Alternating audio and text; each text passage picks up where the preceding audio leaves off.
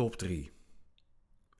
Het begint nu toch echt iets met mij te worden, dicht vrouwtje Tuinman met gezonde zelfironie in de bundel Lijfrente. In haar geval kun je dat wel zeggen.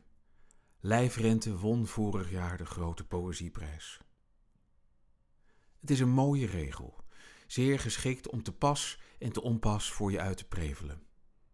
Te onpas is het leukst. Je jaarlijkse leenrechtvergoeding blijkt genoeg voor een halve cappuccino. In de kleedkamer liggen maar liefst twee mini-marsjes in een grote fruitschaal op je te wachten. De plaatselijke beroemdheid is voor de pauze zo ruim over zijn tijd heen gewalst dat de organisatie één minuut voor jouw optreden vraagt of je het ook in de helft van de tijd klaarspeelt. Een paar weken geleden werd me gevraagd of ik een top 3 van dichtbundels uit vorig jaar wilde maken voor het onvolprezen tijdschrift A Water. Alle medewerkers aan het blad doen dat en zo krijg je een leuk jaaroverzicht. Het begint nu toch echt iets met mij te worden, dacht ik. Er wordt mij zelden gevraagd om ergens een top 3 van te maken. Tot nu toe schreef ik één literaire recensie in mijn leven. In het verenigingsblaadje van mijn studie Algemene Letteren. Over het eigen beheerdebuut van een medestudent. Ik vond mezelf heel wat op mijn negentiende, dus het werd een hooghartig afkraakstukje. Mijn jaargenoten reageerden tot mijn verrassing allemaal hetzelfde. Wat heb je zelf eigenlijk neergezet om een medestudent neer te halen? Ik sputterde en mompelde nog wat, maar het antwoord was wel duidelijk.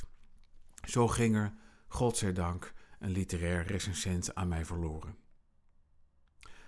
Een paar dagen lang brak ik me het hoofd over mijn top 3.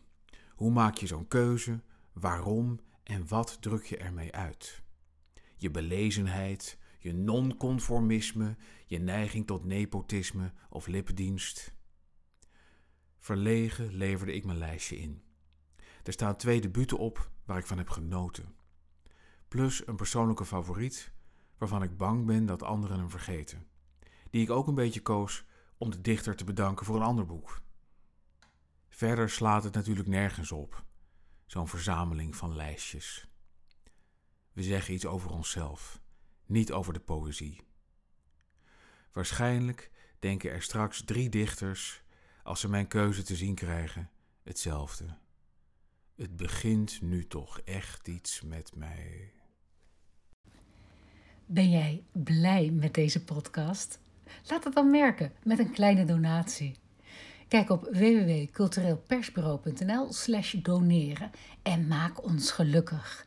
Dus www.cultureelpersbureau.nl schuine streep doneren.